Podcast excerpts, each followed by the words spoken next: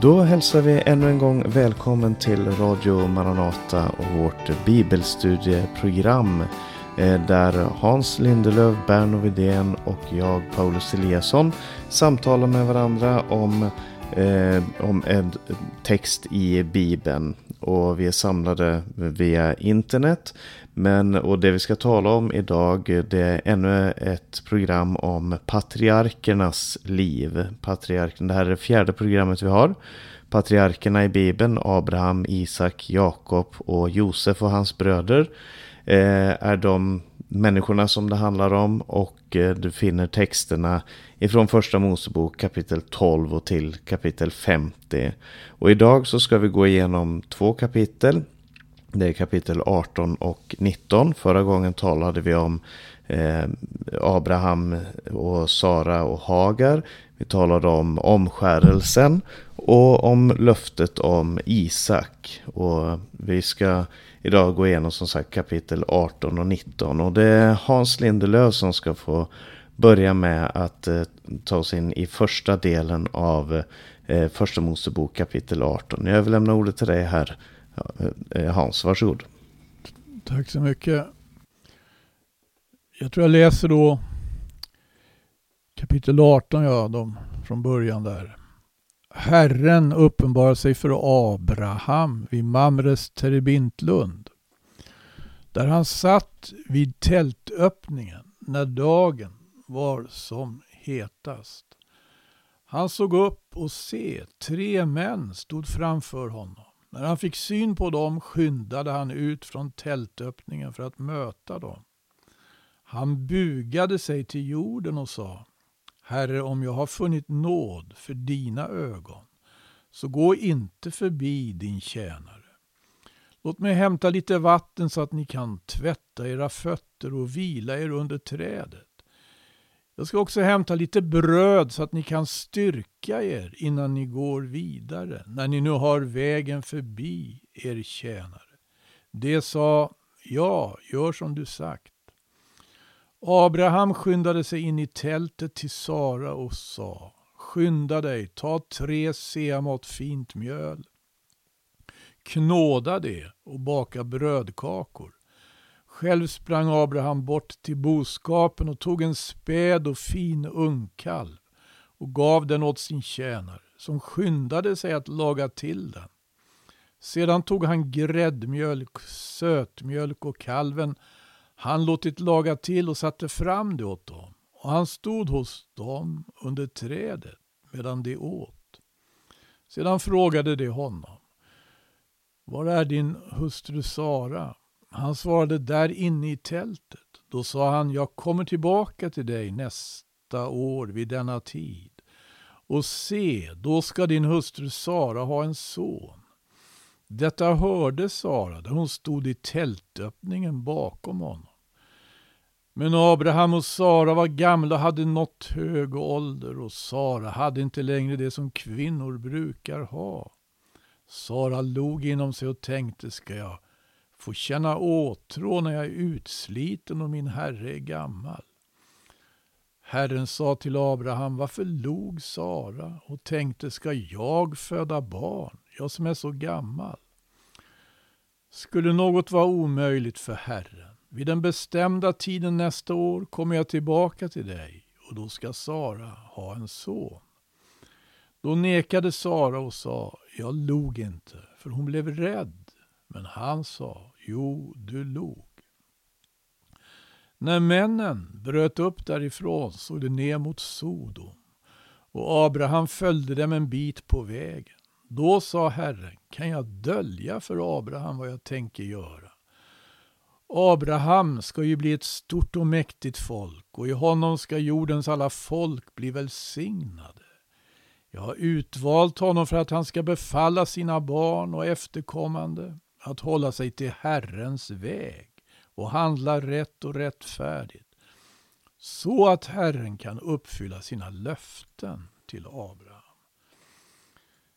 Ja, det här är, tycker jag, en, en, en text som är ganska eh, otrolig. Den, det handlar ju om att Gud uppenbarar sig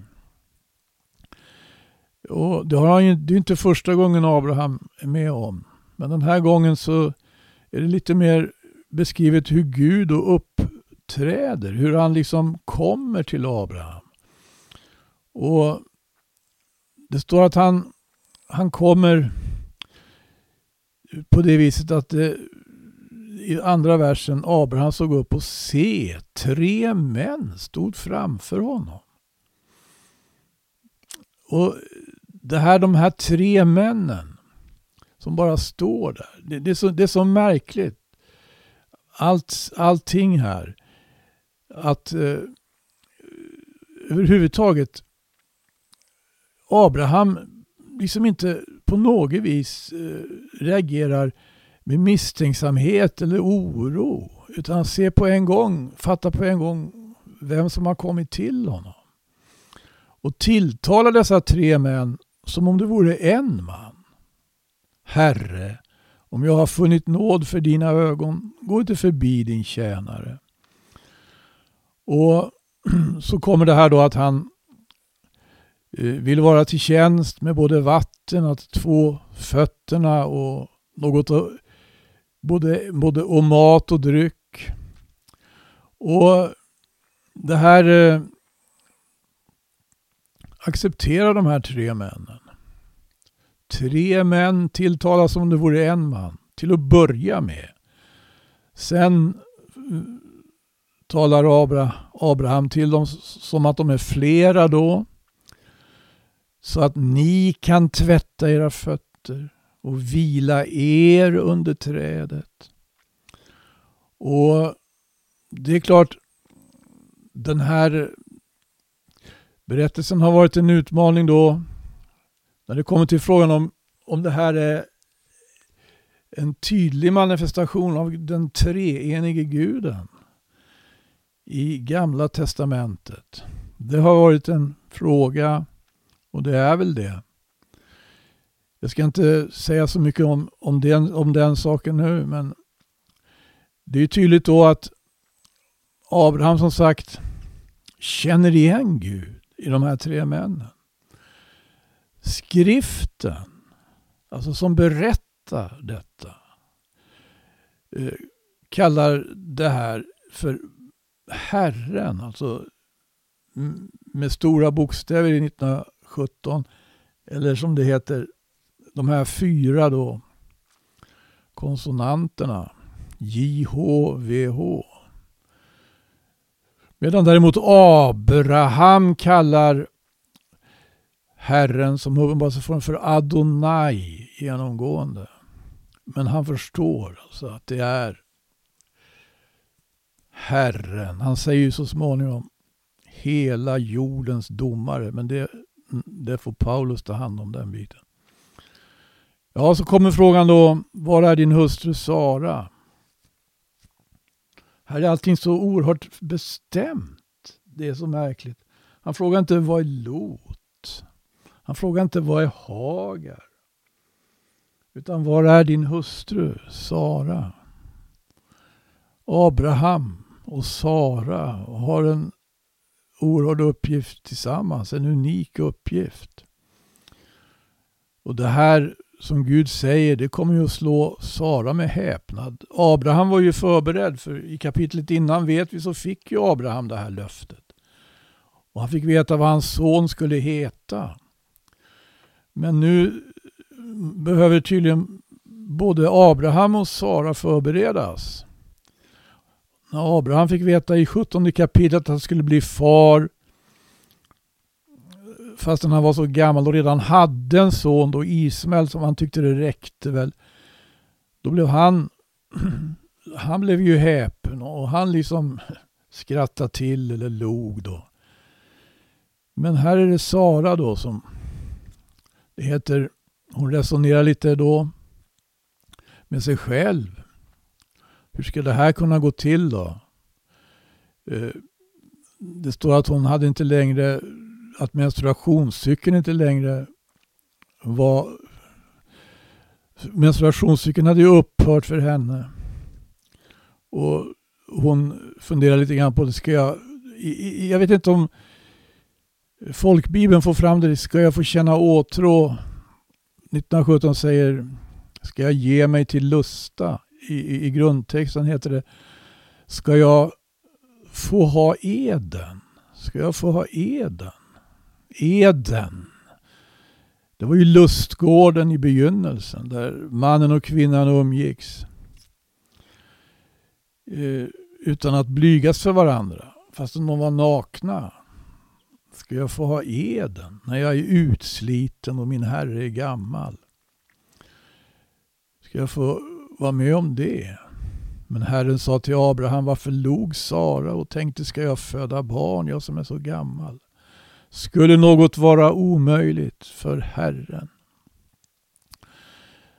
Det här är samma tanke som också Jeremia, liksom i Jeremias bok 32 kapitel, får konfronteras med. När Herren säger till honom, jag är Herren allt kötts Gud.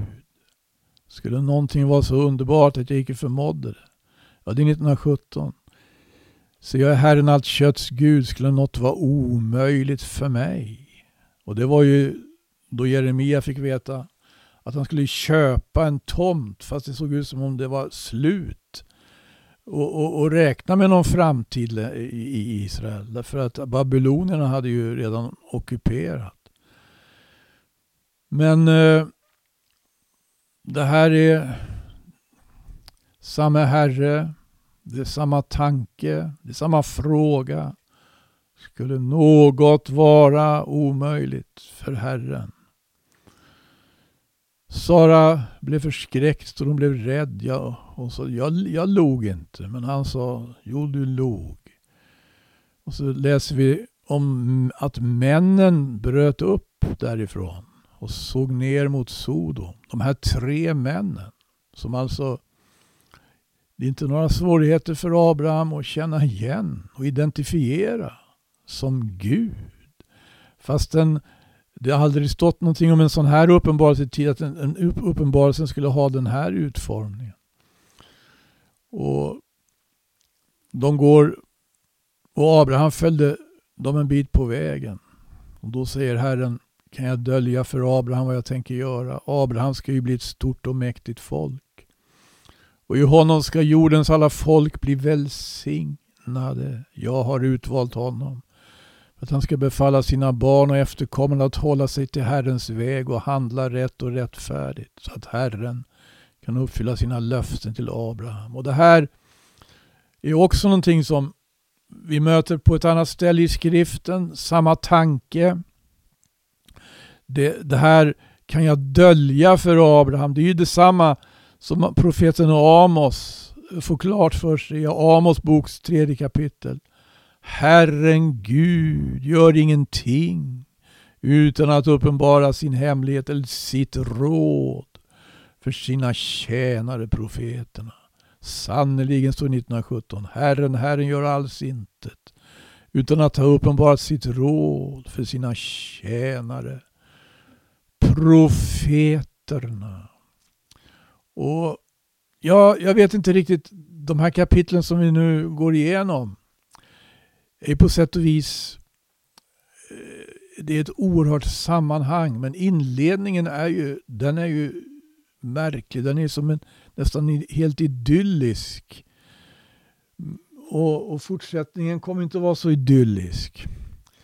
Men eh, ja, det här är lite grann de intryck jag har av det här, av det här avsnittet. Ja, tack ska du ha Hans för de tankarna här. Eh, Berno, har du några tankar om det som vi har börjat läsa här? Mm. Det, det, det, är en eh, mäktig berättelse, skildring. Och att se då hur Gud på ett sätt väntar tills alla mänskliga möjligheter de är förbrukade. Det, det, både Abraham och Sara hade ju insett det att de skulle aldrig få något barn. Men då, i den stunden, så kommer Gud och visar att det finns ingenting som är omöjligt för honom. Och det jag tänker på här också det är hur både Abraham och Sara de omnämns i trons kapitel, Hebreerbrevet 11. Där står om Sara att genom tron fick även Sara som var ofruktsam kraft att bli mor till en ett fast hon var överårig. Hon tänkte att den som hade gett löftet var trofast. Och det är en sån oerhörd bild på frälsningen som ger hopp till varje människa. Ingen människa kan i sig själv komma till Gud, men Gud har ändå banat vägen och han har gjort det på ett sätt som visar på att det är nåd och endast nåd. Och det är Herrens egna kraftgärningar som ger frälsning till varje människa. Amen. Ja, precis. Jag, jag tycker det är fantastiskt det ni har delat här. Jag ska bara nämna en, en tanke som jag har burit på under en längre tid. Det är nästan en kuriositet, men i Hebreerbrevet så står det så här att eh, i det trettonde kapitlet, sista kapitlet i Hebreerbrevet står det Glöm inte att visa gästfrihet. För genom gästfrihet har några fått änglar till gäster utan att veta om det. Eh, och jag har, innan har jag tänkt att ja, det var väl händelser som, som den här författaren då eh, kände till och som, som eh, författaren ville dela med sig. Men, men jag har börjat undra om, om det, inte, det han tänker på inte är just Abraham. För det verkar i början här som att Abraham, det är inte det att han reagerar på att det är Herren som kommer. Kanske han har någon förnimmelse av det, kanske han har någon förståelse av det. Men det verkar som att han generellt är en generös, gästfri person som ser sig själv som en tjänare till sina egna besökare. Och eh, så, så han, han ser tre män som står framför sig och med en gång så, så har han den här attityden att de ska ta emot, de ska betjäna i, i mitt hem och med de gåvor som jag har. Eh, och på det sättet så får han då både Gud och de här änglarna, eller som Hans sa, det är oklart här, kanske det är en en eh, tidig uppenbarelse av treenigheten. Men det verkar ju senare i texten också som att det nämns om de här änglarna som han har med sig. Eh, och, och sen är det också en intressant detalj att det här kommer ju då precis innan Gud börjar tala med, med Abraham om synden i Sodom och Gomorra som han då ska döma, som vi kommer se i det jag ska läsa nu och det som Berno ska eh, dela med oss här sen. Eh, så, så verkar det som att eh, Ehm, de här två sakerna går hand i hand. Alltså Gud som kommer och ger ett löfte till ett, ett gammalt, gammalt par om att de ska få bära fram liv. Eh, det, står, det är någonting naturligt för Gud. Samtidigt som på den andra sidan så, får, så kommer Gud i domen. Eh, där han möter Sodom och Gomorras synd och dömer den. Och, och jag tror att Abraham får lära sig väldigt mycket om Gud här och vi som läser får också lära oss mycket om Gud i den här texten. Och jag ska ta det lite mer eh, vers för vers, de här ifrån den tjugonde versen. Eh, först så står det så här då, efter det som Hans har läst här. Först så sa Gud att han inte ville dölja någonting för sin tjänare.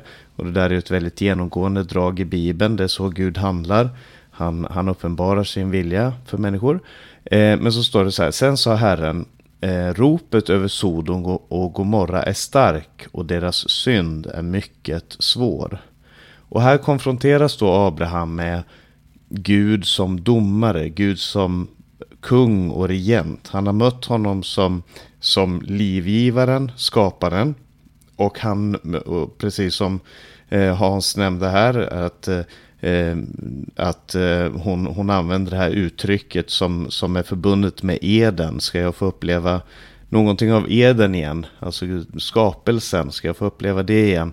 Eh, och då kontra det som står här, att Gud som, som domaren. Ropet över Sodom och Gomorra är starkt.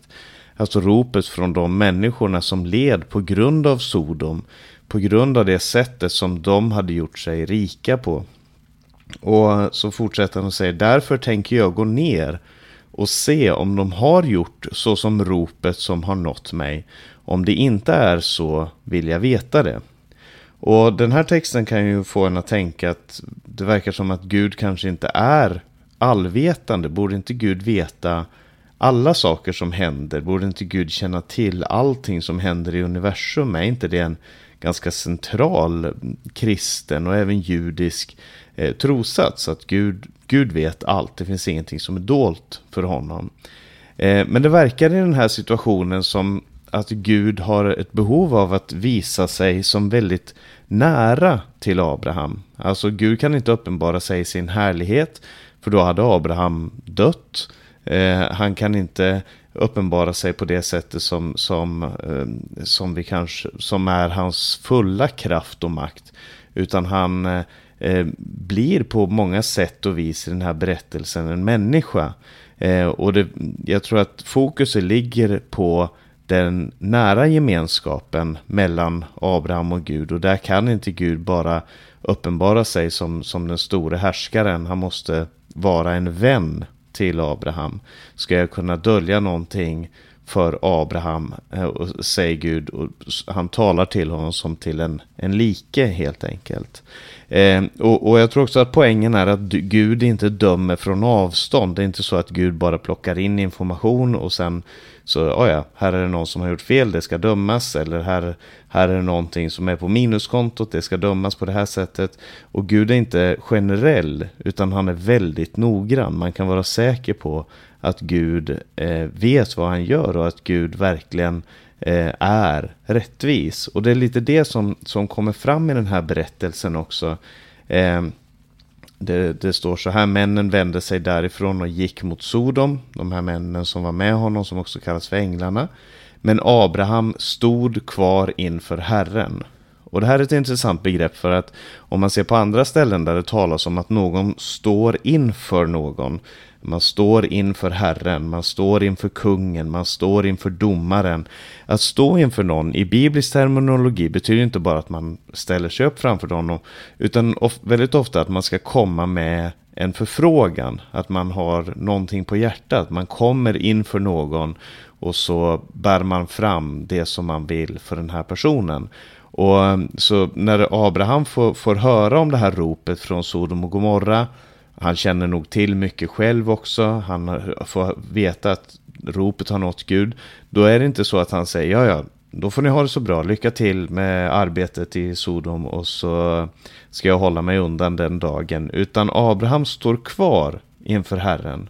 När han får veta om domen, alltså när, när de får veta om löftet, så, så de skrattar åt det och de, de tror på Herren, de, de gläder sig i det här, de firar en måltid tillsammans med Herren eh, i, i den glädjen. Men han får höra om domen, då står han kvar inför Herren. Och Abraham gick närmare, står det i vers 23. Och Abraham gick närmare. Han kommer nära in till Gud och säger, ska du förgöra den rättfärdige tillsammans med den ogudaktige? Och Abraham verkar som att han är i en process av, där han lär känna Gud och hur Gud är och vem Gud är. De gudarna som hade, han hade känt innan, där han levde i det kaldeiska ur, där man tillbad framförallt månen men också många andra gudar.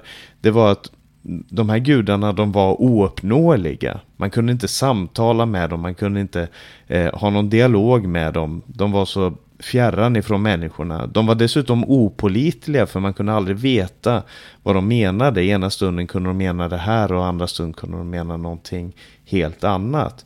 De var nyckfulla så att de, de påverkades av infall och idéer och ena stunden kunde de vara glada och då kunde man göra nästan vad som helst och nästa stund så var de arga och då fanns det ingenting man kunde göra. Och de kunde vara väldigt orättvisa genom att de gynnade eller straffade utifrån väldigt orättfärdiga mallar. Det var, det var de gudarna som Abraham hade blivit van vid.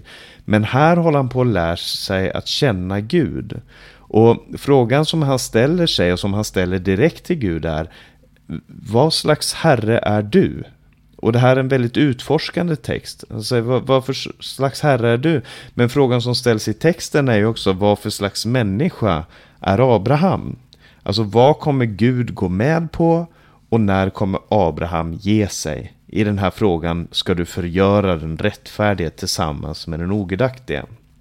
Och så fortsätter texten och han säger, kanske finns det 50 rättfär rättfärdiga i staden. Ska du utplåna den och inte skona orten för de 50 rättfärdiga skull som finns där? Det är Abrahams första fråga. Och han säger aldrig att du skulle göra så, att låta den rättfärdige dö med den ogudaktige. Då skulle den rättfärdige få det som den ogudaktige. Aldrig skulle inte han som är hela jordens domare göra det som är rätt.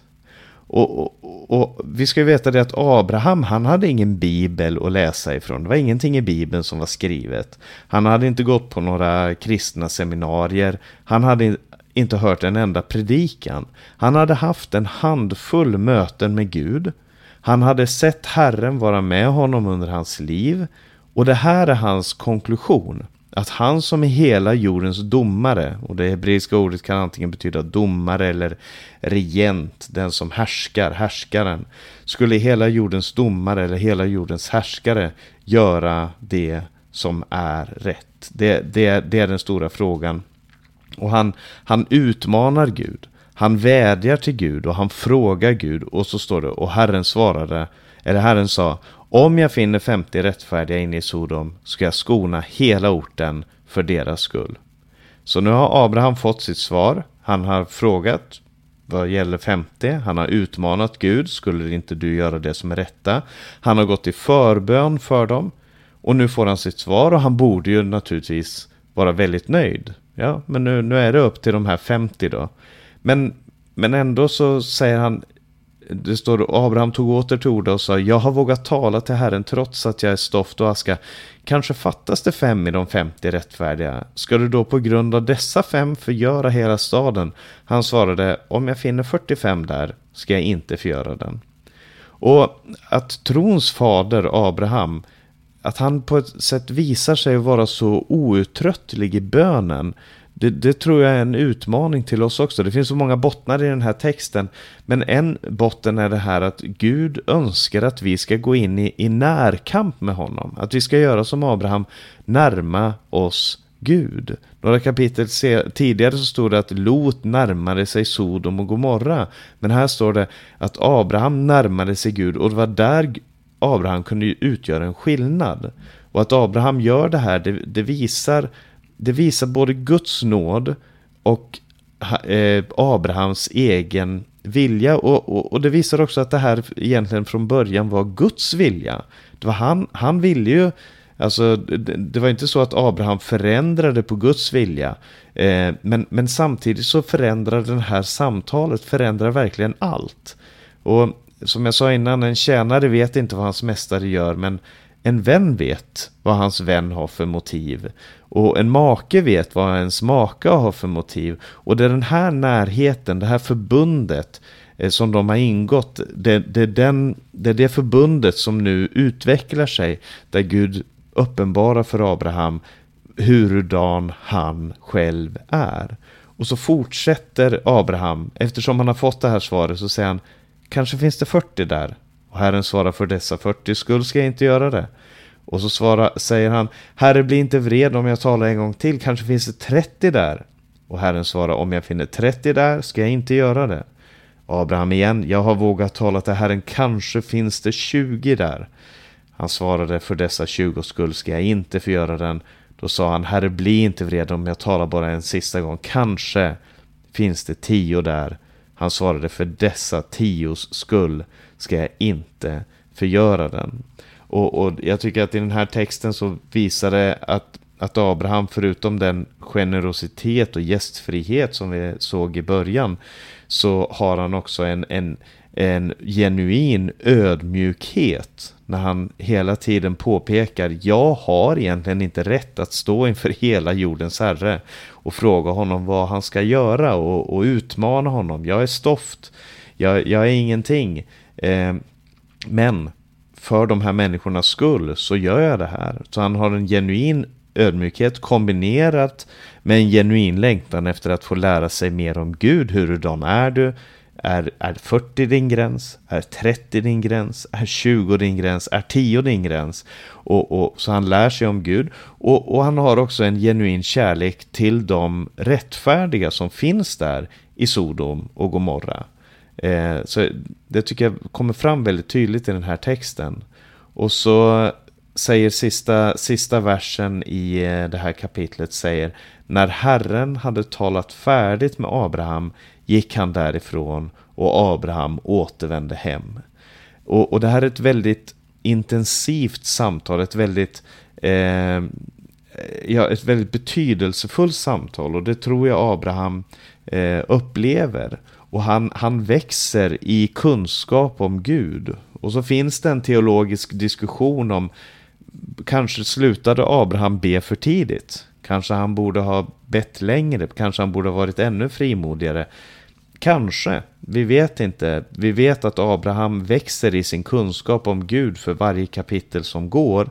Ibland är han på höjden och jag skulle vilja säga att i den här texten så visar Abraham sig från sin allra bästa sida där han verkligen eh, har sin eh, Jakobs kamp för att säga det så, där han, där han går i clinch med Gud. Han, han, han kämpar med Gud i den här frågan. Vad ska du göra Herre i frågan om de rättfärdiga kontra de orättfärdiga? Kommer det att finnas rättvisa för de rättfärdiga? Kommer det finnas rättvisa för de orättfärdiga? Det är ju en fråga som folk ställer sig hela tiden och en av de största anledningarna till att folk har problem med att tro på Gud är just det här. Hur kan en god Gud tillåta så mycket ondska? Eh, och varför sker det gott med de som är onda? Varför sker det ont med de som är goda? Kommer hela jordens Herre att göra det som är rätt? Men samtidigt så, så skulle jag vilja säga att den här texten också pekar fram mot det vi skulle kunna kalla för en bättre Abraham. Eller en bättre förebedjare som vi har och äger i Jesus. Eh, för, för vi på många sätt och vis är ju som folket i Sodom. Vi, eh, vi, vi är eh, under en dom. Vi, vi lever under en förestående dom utan att vi själva vet om det eller förhåller oss till det. Men Jesus, står det flera ställen i Bibeln, han ber för oss. Alltså Petrus i sin, eh, ska vi säga, förvirrelse, i sin, i sin eh, Eh, missförståelse av, av det himmelska och, och, i sin svaghet så säger Jesus till honom att eh, djävulen har begärt att få skilja er som agnar men jag har bett för dig att din tro inte ska bli om intet. Så utan att Petrus har varit medveten om det så har Jesus bett för honom, tagit med honom i förbön. Och nu kommer han in i en situation där, där Gud säger ja, där Jesus säger jag har bett för dig. Och, och i Romarbrevet så står det också om att han går i förbön för oss, han ber för oss. Eh, och, så, och det är vårt hopp om frälsning. Och inte bara ber Jesus för de rättfärdiga, utan han ber för de orättfärdiga. Och inte bara ber han för dem, men han gör också det som Abraham absolut inte kunde göra, nämligen han tar domen på sig. Och den här texten på så många fantastiska sätt är en uppmaning till oss att, att, vi ska förstå att det som verkligen skapar en förändring och utgör en skillnad i den här världen, det är inte nödvändigtvis det som vi ser på som viktigt, som, som vi ser på som nödvändigt för att en verksamhet ska fungera, för att vi ska leva våra liv och så vidare, utan det är det här bönelivet som, och den här intima gemenskapen med Gud. Det finns så många personer i Bibeln som det står om som, som gång på gång får eh, gå in i förbön inför Gud och de får sitt bönesvar. Och det är så många som, som ropar till Gud och, och, och om frälsning för andra människor och de människorna får bönesvar.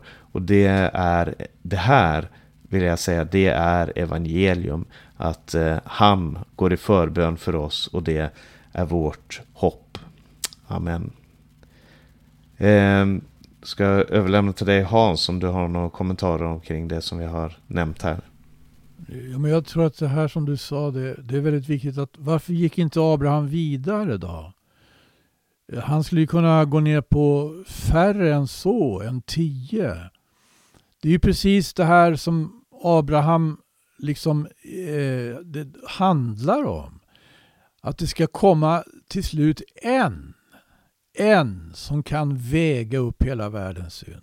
Se Guds lamm som borttager världens synd. Skulle tio kunna göra en skillnad? Skulle tjugo kunna göra en skillnad? Det oerhörda här med Abraham, det är att han är ju den som blir alltså fader till många och hans efterkommande, ibland hans efterkommande finns ju denna enastående ände. Detta lamm som tar bort världens synd och väger upp hela världens synd kan man ju säga på det sättet. Inte som att världen inte går mot sin undergång, för det gör den. Men det ska finnas en utväg. Man ska kunna komma ur det här dödsgreppet som världen har blivit för människor på grund av synden. Jag tror att det är precis det alltså, som Abraham eh, jobbar med här, om man säger, i sin bön, när han på det här sättet brottas med Gud. Fast han når inte ända fram till det, naturligtvis, därför att historien har inte gått så långt än. Men han är verkligen en, han utgör alltså en prototyp, ett, ett upphov för det Gud vill göra i framtiden. Amen. Eh, Berno, har du några tankar om det här också? Ska du få eh, ta med oss in i kapitel 19 också. Mm. Du, du nämnde här att Abraham fick kunskap om Gud. Ju längre tiden gick så ser man hur han levde med mer och mer insikt om saker och ting. Och speciellt den här relationen han hade till Gud. Det är med rätta som han beskrivs som Guds vän. Eh, det här som vi har läst här precis, det är ett så tydligt exempel. Hur, hur eh, vägen till att få mer insikt, det är just det här att närma sig Gud. Abraham beskrevs tidigare som Guds vän. Han hade en mycket unik relation med Gud som, som vi kan läsa i skriften. Och eh, ändå så såg ju inte Abraham eh, med samma Guds ögon på invånarna i Sodom.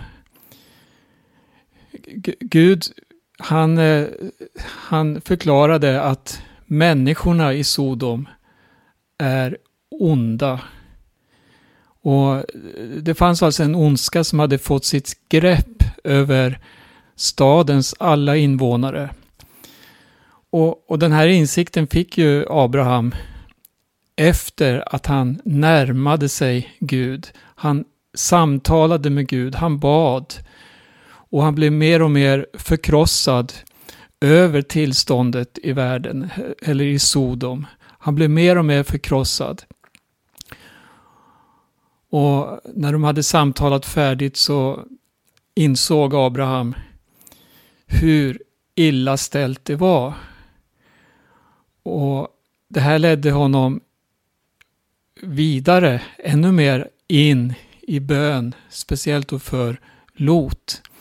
För det, det framgår ju att Abraham, han bad för Lot och det var därigenom som Gud räddade honom. Förbönen har en oerhörd makt.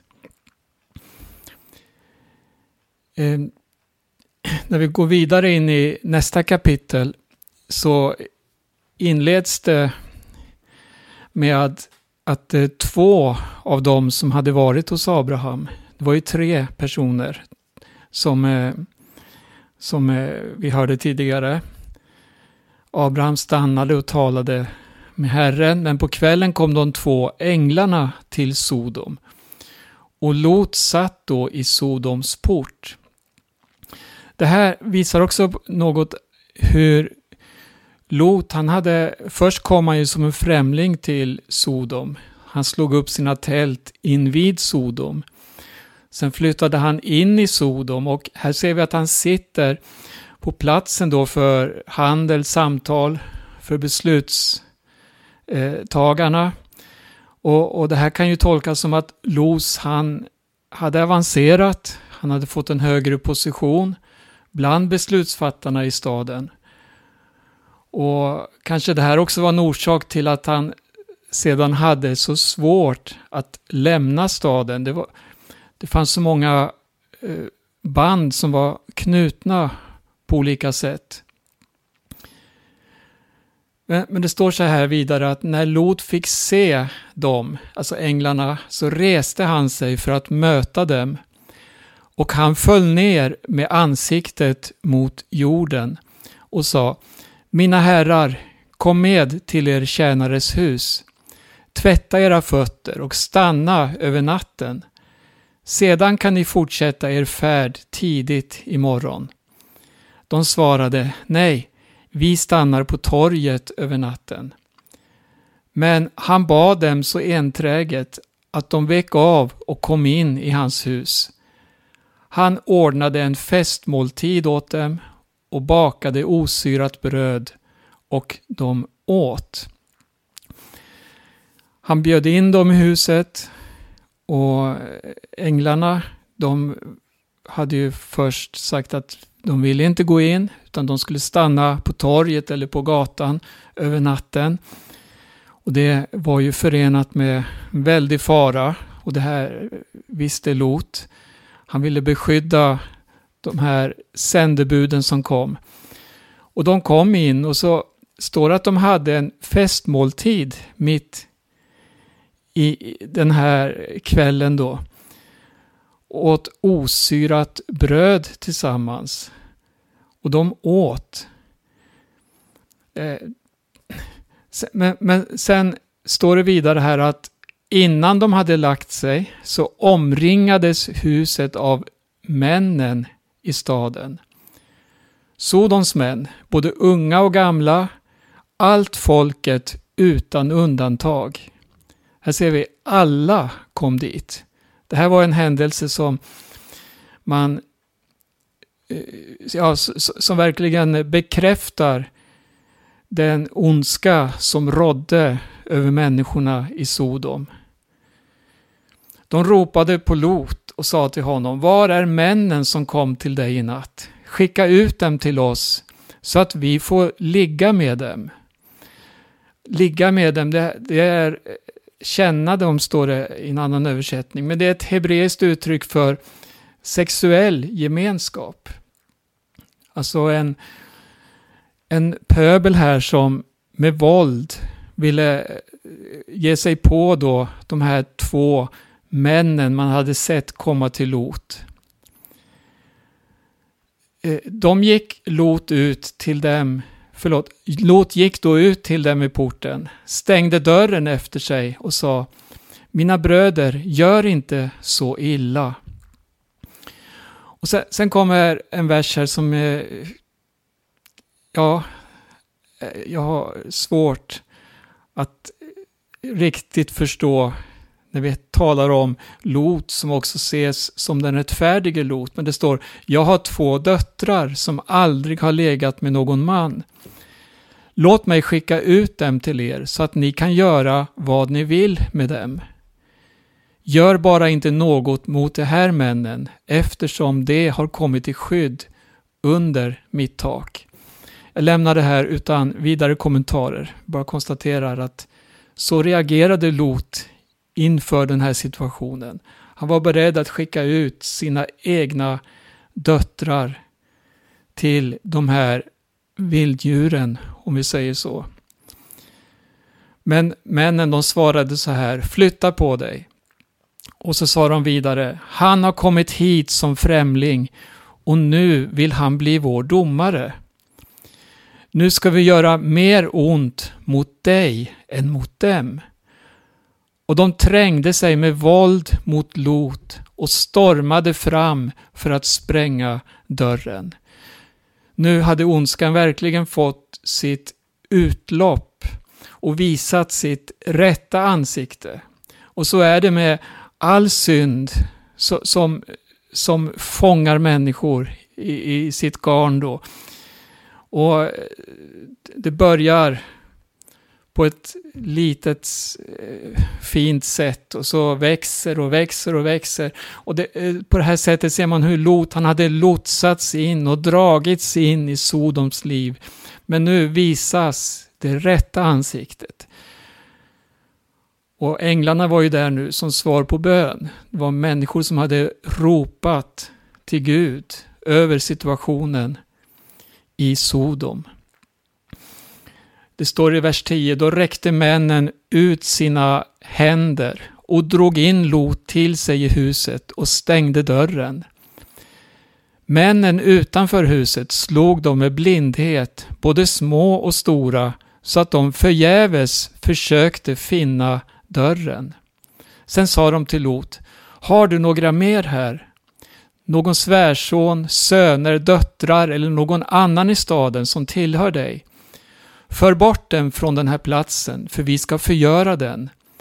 Deras rop har blivit så starkt inför Herren, att Herren har sänt oss hit för att förgöra den. Vad var det för rop som hade stigit upp till Herren? Ja, Gud lovade att skona staden om det fanns tio rättfärdiga, vilket det uppenbarligen inte fanns. Eh, ropen som steg upp. Jag, jag, jag, tänker på eh, en beskrivning som Hesekiel ger när eh, han talar om Jerusalem och menar att Jerusalems synd var värre än Sodoms synd. Och då, då står det så här i Hesekiel 16. Se, detta var din syster Sodoms synd. Högmod, överflöd av mat, bekymmerslös säkerhet hade hon och hennes döttrar. Men hon hjälpte inte den nödställde och fattige.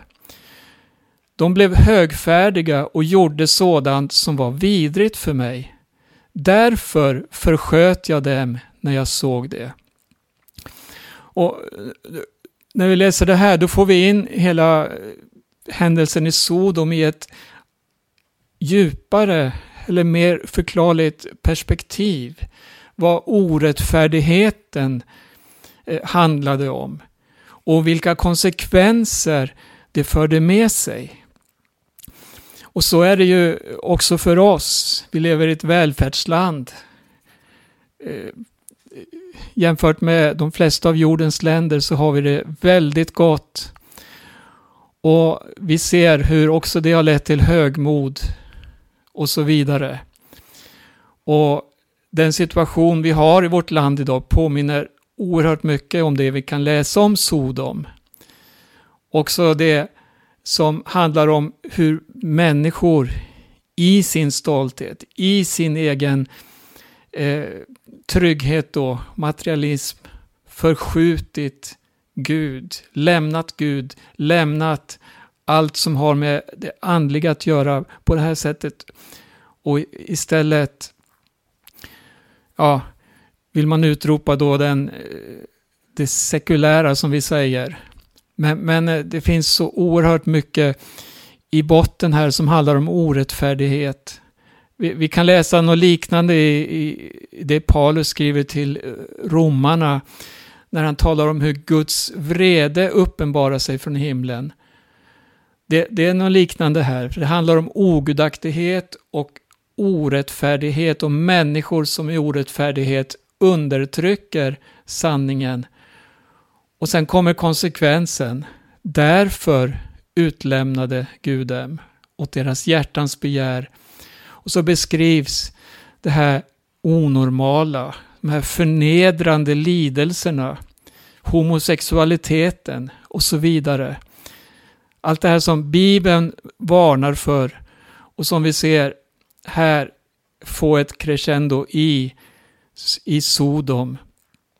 I vers 14 står det, då gick Lot ut och talade med sina svärsöner, det som skulle få hans döttrar och sade, bryt upp, ta er ut från den här platsen, för Herren tänker förgöra staden. Men hans svärsöner trodde att han skämtade. Det är också en talande vers. Lot som på ett sätt kände Herren. Han visste vad rättfärdighet var. Han visste vilken väg Gud hade, hade för, för människorna och hur man skulle leva och så vidare. Han var god, men det fanns ingen annan av samma karaktär i staden. Allt folket i Sodom var ondskefullt och förnedrande. Och änglarna tog hand om att rädda Lot och hans familj. Men det verkar som att Lot drog ut på tiden. Timmarna gick. Han agerade på ett sätt eh, lite lättsinnigt. Och på ett sätt som, som många skjuter eh, sådana här viktiga frågor framför sig. Behovet av en förändring, ett nödvändigt arbete, en nödvändig omvändelse. Och att änglarna fanns där, det var ju ett bönesvar, det var räddningen av de rättfärdiga människorna. Och det beror på Guds barmhärtighet inte på Lots förtjänst. Vi räddas genom nåd. Och så vidare. Eh, natten gick och sen står det i vers 15 så här. När gryningen kom skyndade änglarna på Lot och sade Bryt upp, ta med dig din hustru och dina båda döttrar som är här, så att det inte går under genom stadens synd. När Lot dröjde återigen, man ser han dröjer. Ja, då tog männen hans hand, hans hustrus hand och hans båda döttrars händer. För Herren ville skoda honom, skona honom. De förde ut honom och först när de var utanför staden släppte de honom. Och så fick han det här beskedet, fly för livet. Se dig inte tillbaka och stanna inte någonstans på slätten. Fly till bergen så att du inte går under. Ja, det, det, det, är så oerhört mycket som man eh, finner i den här texten. Och ett, det är så allvarligt budskap och, som vi skulle kunna Eh, applicera i våra liv, i vår tid, om inte annat. Det handlar om att fly för sitt liv från den ondska som finns i världen. Eh, hoppa fram lite, det står i vers 23 så här. Solen hade gått upp över jorden när Lot kom till Soar. Han fick en fristad där. Då lät Herren svavel och eld regna ner från himlen, från Herren över Sodom och Gomorra. Han ödelade dessa städer, hela slätten, alla som bodde i städerna och det som växte på marken. Men Lots hustru som följde efter honom såg sig tillbaka och hon blev en saltstod. Ja, Lots hustru. Jesus varnar för Lots hustru. Hon var fortfarande kvar i Sodom med sitt hjärta. Och Jesus sa så här, ni kan inte tjäna två herrar. Tidigt nästa morgon gick Abraham till den plats där han hade stått inför Herren och såg ner över Sodom och Gomorra och hela slättlandet. Då såg han rök stiga upp från landet som röken från en smältugn. När Gud ödelade städerna på slätten tänkte han på Abraham och lät Lot komma undan förödelsen när han omstörtade länderna, förlåt, städerna där Lot hade bott. Ja, vi ser Abraham. Var fanns Abraham under tiden? Det står om och om igen här att han var inför Herren. Han var förmodligen i sitt tält där vid Mamres terebintlund och bad för Lot. Ja, Gud tänkte på Abraham och räddade Lot, kan vi läsa. det är en liten bit till här, men jag tror jag stannar här för att tiden har gått. Mm. Ja, tack ska du ha Berno. Det är en, eh, ja, de här två texterna, eller tre texterna egentligen som vi har läst idag, de, de hör ju verkligen ihop på så många olika sätt. Eh, Abraham och Sara som fick uppleva ett nytt liv. Och det som sker här som är ja, så fruktansvärt. Och jag tror att man ska reagera på det på samma sätt som, som det Abraham gör när han ser det här och säger Herre, ska, skulle du låta den orättfärdiga förgås tillsammans med den rättfärdiga? Eller tvärtom, den rättfärdiga förgås tillsammans med den orättfärdiga. Och, och det här är verkligen texter och, och, tankar att, att brottas med. Vad tänker du Hans om, eh, om det som eh, Berno har läst här? Om jag får uppehålla mig lite grann med den här frågan om treenigheten. Är vi säkra på att de tre män som kom till Abraham är, har med att göra med de två änglar som kom till Lot? Ja, det, ja. Alltså det, det, står, ja, det står att de män som var med honom gick ifrån honom. Är inte det det står i 18 kapitlet? Eh, männen vände sig därifrån och gick mot Sodom. Men Abraham stod kvar inför Herren. Det verkar som det, jag vet inte. Jo, männen. Männen gick. Männen gick, men änglarna kom fram.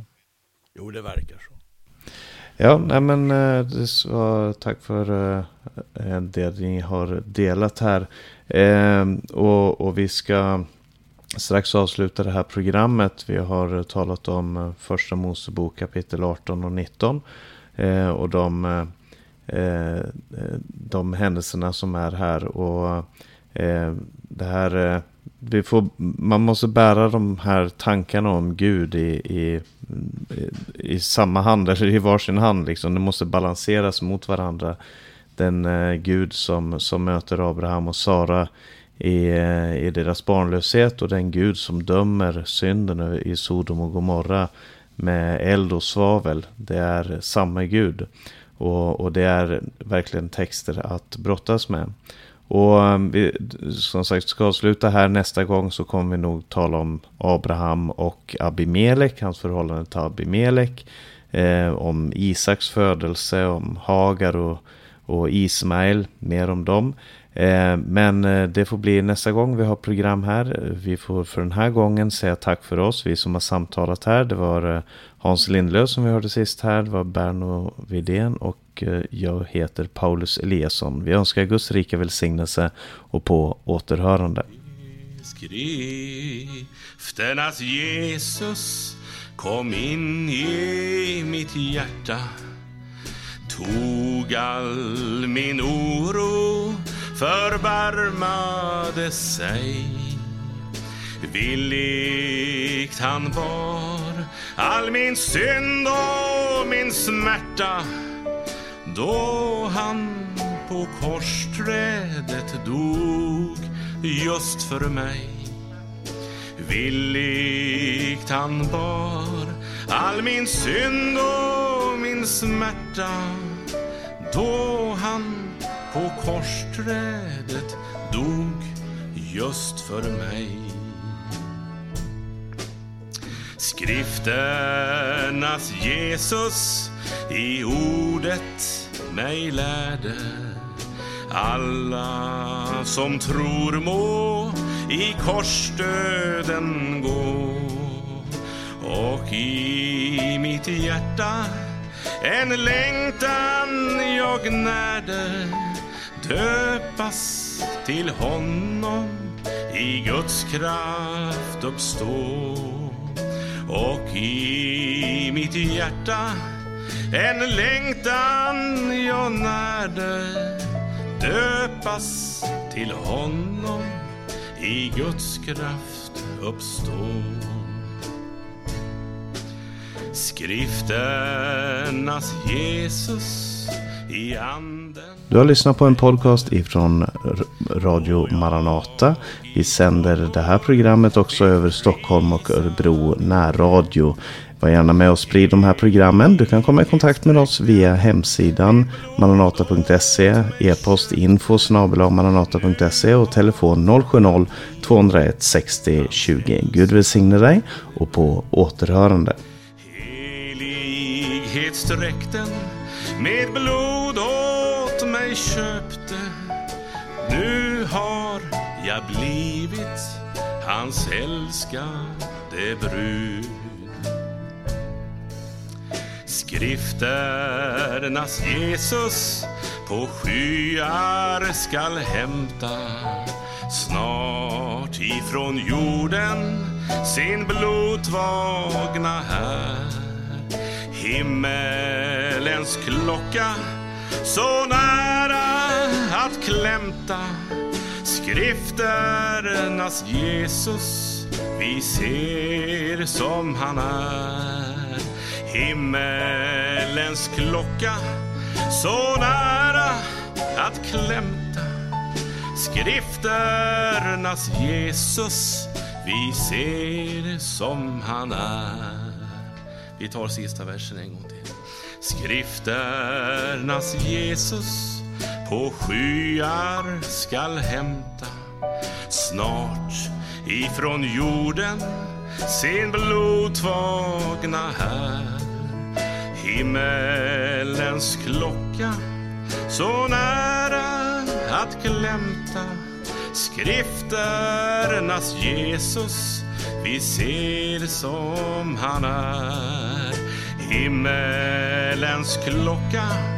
Så nära att klämta Skrifternas Jesus vi ser som han är. Tack Jesus.